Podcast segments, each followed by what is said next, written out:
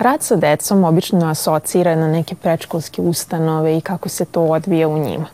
Danas razgovaramo o malo delikatnijoj vrsti ove, ove, ove profesije.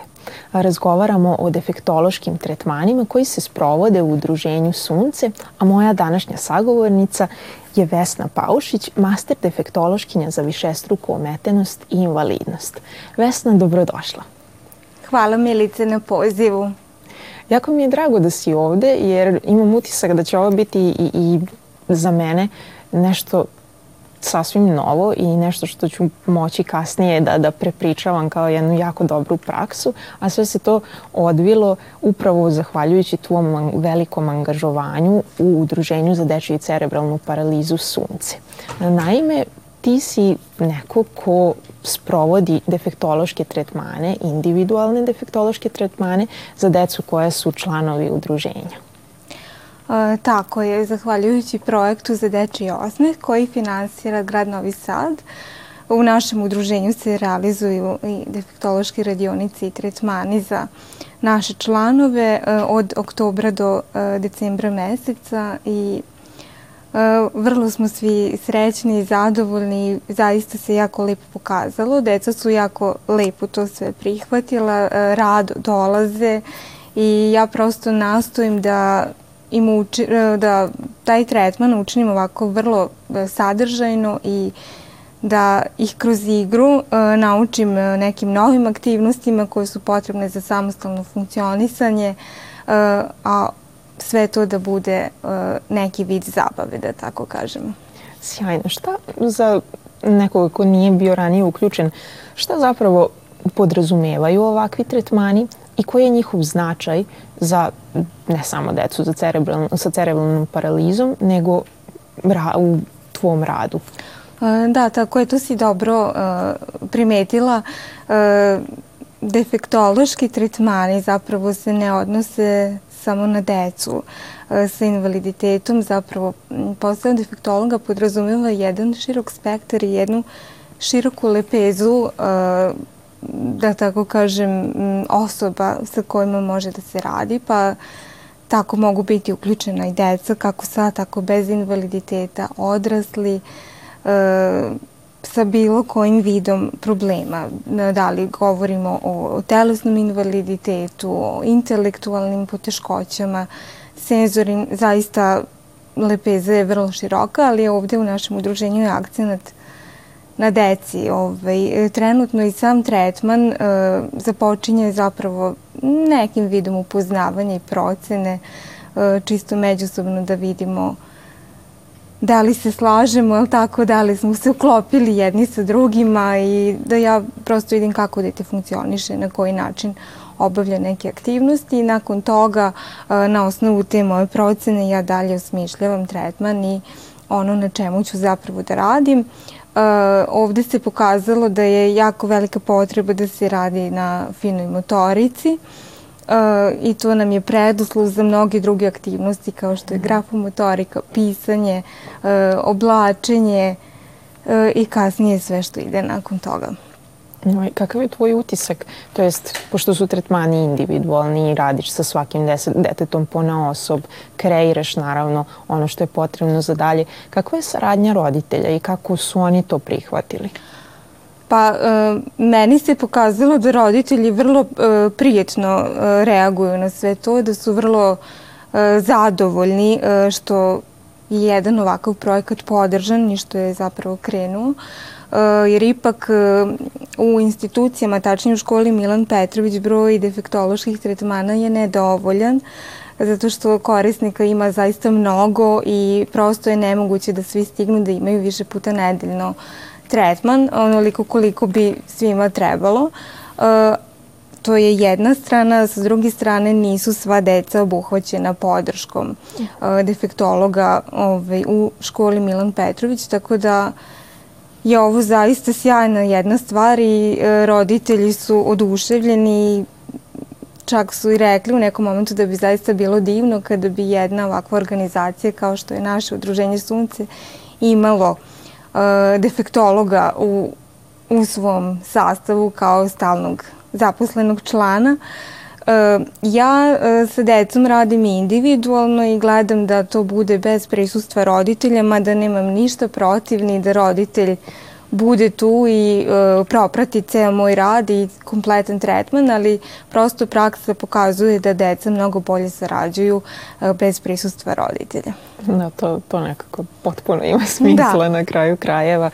A, zašto je važno u ovom uzrastu da ti defektološki tretmani, da ih bude dovoljno, hajde da tako kažemo, jer spomenula si da je nedovoljan broj i tu čini mi se govorimo o jednom nedeljno ispravi me ako grešim, da je to, to vezano za školu Milan Petrović. Uh, tako, jednom do dva puta nedeljno. Da, i sad, znači, zašto je važno da ipak bude veći broj i posebno o kom uzrastu se radi?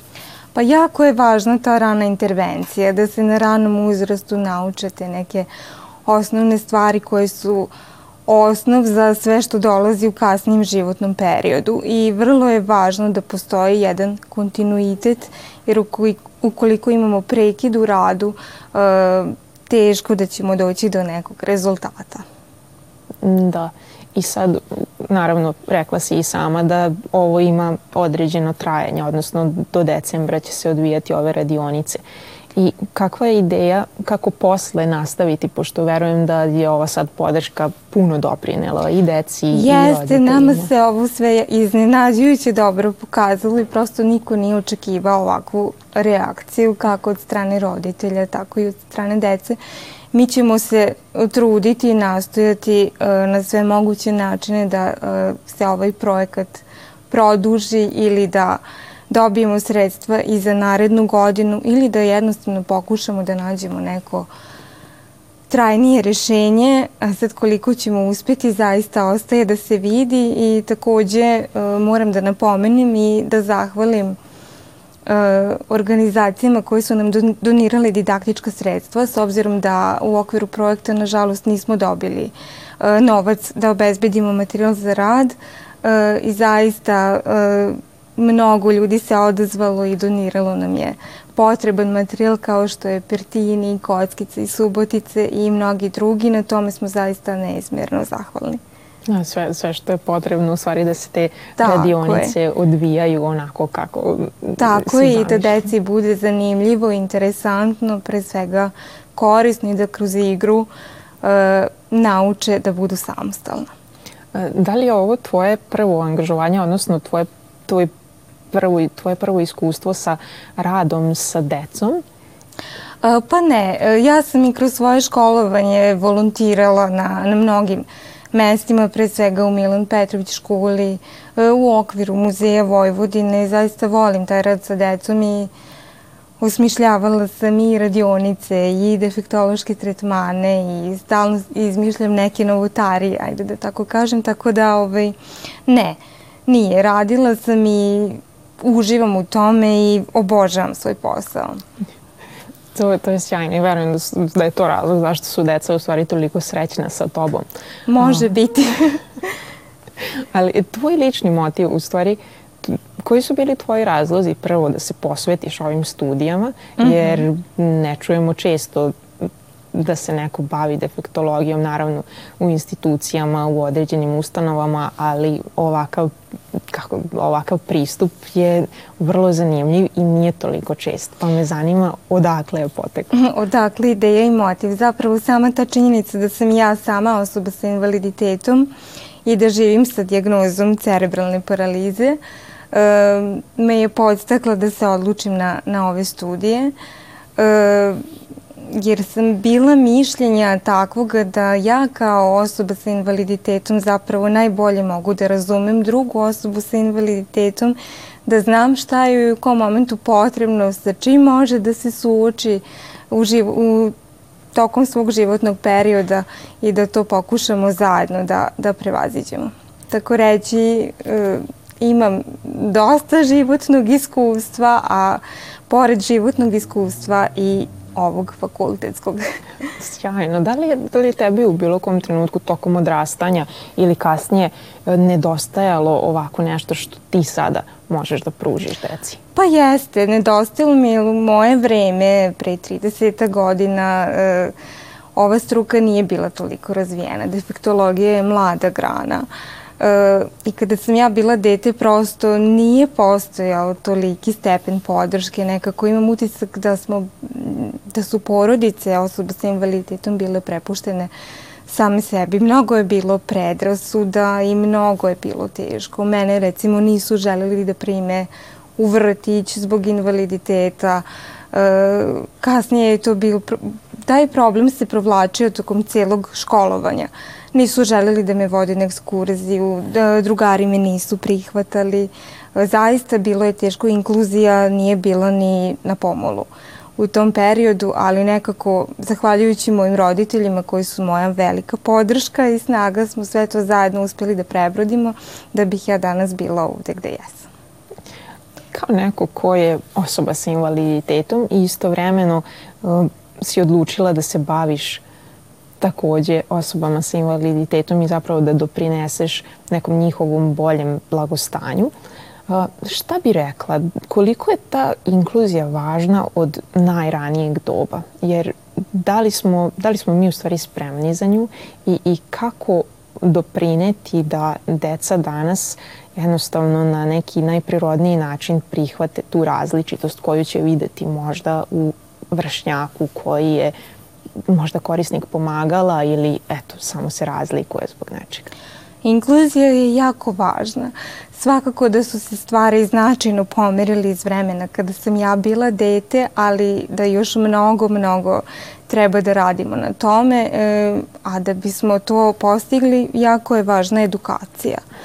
Zaista moramo da se edukujemo osobama sa invaliditetom, kako one funkcionišu, da ne gledamo na njih kao na neka čuda, kao na neke vanzemaljce, nego prosto da, da to prihvatimo onako kako jeste i da tako vaspitavamo svoju decu. E, mi nismo ništa drugačiji, ništa posebniji nego deca koja nemaju invaliditet. E, nama e, je samo način na koji zadovoljavamo svoje potrebe drugačiji. Da, i da li si imala iskustva u radu sa roditeljima dece bez invaliditeta? Da li si možda tu da li je dolazilo do određenog dijaloga gde si mogla u stvari da približiš jedan svet drugom? Pa ja lično sa, e, što se tiče rada sa roditeljima nisam imala e, neko iskustvo, ali to je možda bolje pitanje za moje roditelje koji se mhm. zaista jesu trudili da ovaj, da pokažu da sam i ja apsolutno identična kao i sva druga mm. deca i da ja imam iste potrebe kao i moji vršnjaci. Ove, ovaj, tako da, eto, zaista jesu uspeli u tome i ja sam im neizmerno zahvalna. Da, i, i, i važno je da u stvari već smo negde i dotakli se toga, ali koliko u stvari ta podrška unutar porodice nama može biti podstica i za dalje, upravo kao što se desilo sa tobom. Da... Ja bih rekla da je porodica stup svega. Tako. Jer zaista da nije bilo mojih roditelja, ko zna gde bih ja danas bila, ali sigurno ne bih bila ovo što jesam.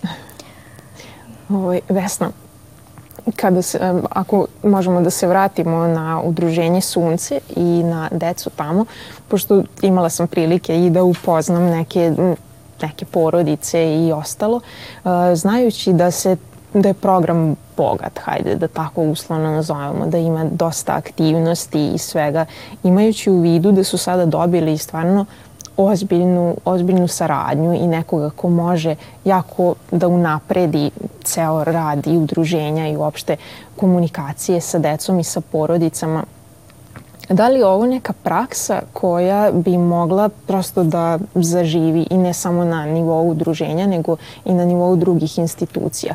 Pošto pričali smo o inkluziji, pa ukoliko se u odeljenju nalazi dete sa cerebralnom paralizom, da li bi moglo da dođe do angažovanja defektologa u školama, vrtićima i tako dalje, koje bi radili nešto slično ovome što ti sada radiš? Pa ja verujem apsolutno da. Uh, Znači, uz malo dobre volje sve je moguće. E sad samo moramo da vidimo način na koji bi to moglo da se realizuje. Prosto, kažem, mi ćemo pokušati sve što budemo mogli uh, da ovaj projekat nekako uh, produžimo ili da ga dobijemo i naredne godine ovaj, upravo u tom cilju kako bismo mogli da uključimo što više dece ovaj, da imaju tretmane u kontinuitetu, da tako kažemo, kako, kako bi postigli rezultat koji svi željno iščekujemo. No, ovi rezultati se tiču i nekog svakodnevnog funkcionisanja Tako na kraju je. krajeva i, i stvarno je važno da svako dete upravo dobije ovakav tretman građen prema njegovim potrebama. Tako je i mogućnostima upravo to. Naravno. Ono, u ovom trenutku, nisam zaboravila sam da pitam, u ovom trenutku koji je broj dece sa kojima ti radiš? Ja trenutno imam uh, desetak dece na tretmanu i svake nedelje, iz nedelje u nedelju dobijem uvek neko novo dete i tome se radujem koliko je onda tebi zahtevno da, da formiraš u stvari svaki program i taj deo, ako naravno koliko možeš da nam približiš, koliko je u stvari to za tebe pa izazov. Pa svako dete je zapravo priča za sebe i svakom detetu morate prići na jedan specifičan način. Ove, ovaj, meni to nije, ne predstavlja mi napor ni malo, ja prosto uživam u tome što radim. E, možda mi je više problem da napravimo raspored kako bi svi stigli ovaj, na vreme, ali Bože moj, tu smo i najmanji je problem da, da se uklopimo što se tiče rasporeda, sve, ovaj, tako da snađemo se. Da, sjajno i, i verujem. E, znam da je malo vremena, ali da li već sada očekuješ neke rezultate? U stvari, da li je moguće za tako kratko vreme ostvariti neke rezultate? Pa evo, praksa pokazuje da je moguće. Jedan dečak je naučio da veže pertlu, e, što smo svi bili iznenađeni i njegovom motivacijom i njegovom željom i Tako da, da, za tri meseca neke stvari zaista mogu da se savladaju i verujem da je moguće. Rezultati sigurno neće izostati. Da, ne sumnjam ni ja, nego prosto pitam zaista onako potpuno da. laički, jer imam, sad imam onako bolju predstavu o tome kako sve funkcioniše, ali ono, shvatam i da je stvarno potreban rad i kao što si i sama rekla u kontinuitetu. Tako je. Tako da u, u tom slučaju za stvarno me raduje da, nekada da se te taj rad traje duže, nekada je potrebno uh, par meseci, čak i godina, nekad rezultat dođe za par nedelja. Zaista je sve vrlo individualno i sve zavisi od samog deteta, njegovog interesovanja, motivacije, mogućnosti, raspoloženja. Mnogo je tu faktora koji moraju da se poklope da bi smo došli do rezultata. Nekada nisu ni deca uvek raspoložene da rade, pa nekada nam tretman prođe u pričanju, nekada se igramo, nekada zaista sve zavisi. Da, to, to je bilo možda sledeće pitanje u tim situacijama kada prosto izostane saradnja od strane deteta, očigledno imaš i za to metode. Da, zaista se mora naći način e, šta je ono što je detetu zanimljivo u tom momentu možda ono zaista ne želi da radi ono što sam ja naumila i uvek mora da postoji alternativa i plan A i plan B i plan C. Ove, ali na kraju uh, uvek dođemo do, do cilja. Da, i, i verujem da svaka ta aktivnost može na kraju doprineti nečemu i doneti nešto dobro, čak i da se ceo tretman samo igrate, verujem da... Apsolutno, kroz igru se najbolje uči, ja to uvek volim da kažem i uh, Apsolutno da. Čak i da se samo igramo ili da samo razgovaramo i iz toga će se nešto izroditi i dete će nešto poneti sa sobom. Jedno, jedna stvar mi je onako ostala. Uh, kod dece koja nisu u potpunosti verbalna, uh mhm. -huh.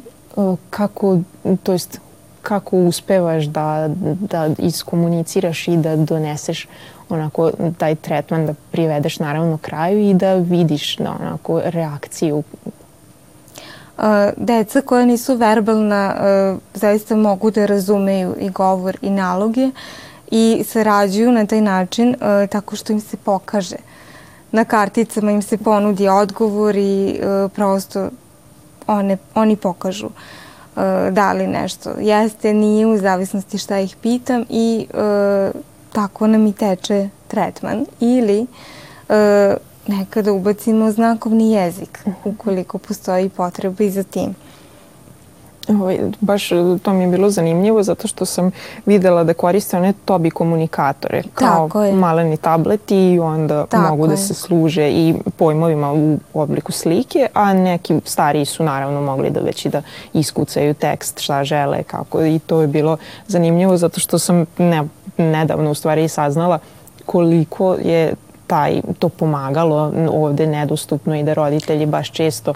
Onako... Jeste i naši korisnici, nažalost mali broj njih ima Tobi komunikator upravo zbog njegove visoke cene.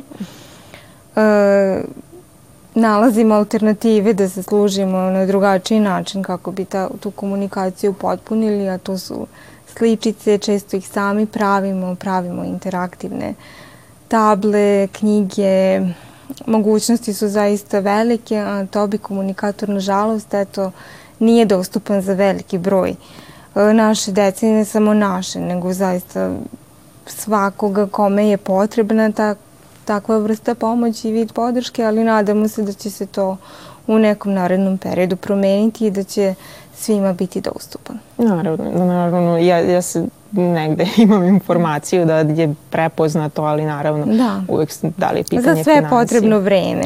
I naravno vreme. Da. Na samom kraju ja bih volela da ti sumiraš poruku za naše gledaoce, za sve one koji je možda ova tema negde bila bauk, jer uh, defektologija i ostalo, sama si rekla da je nova grana, ali je stvarno bitno da istaknemo da se ne odnosi samo na decu sa invaliditetom, nego da tvoj rad može da doprinese deci bilo koje populacije.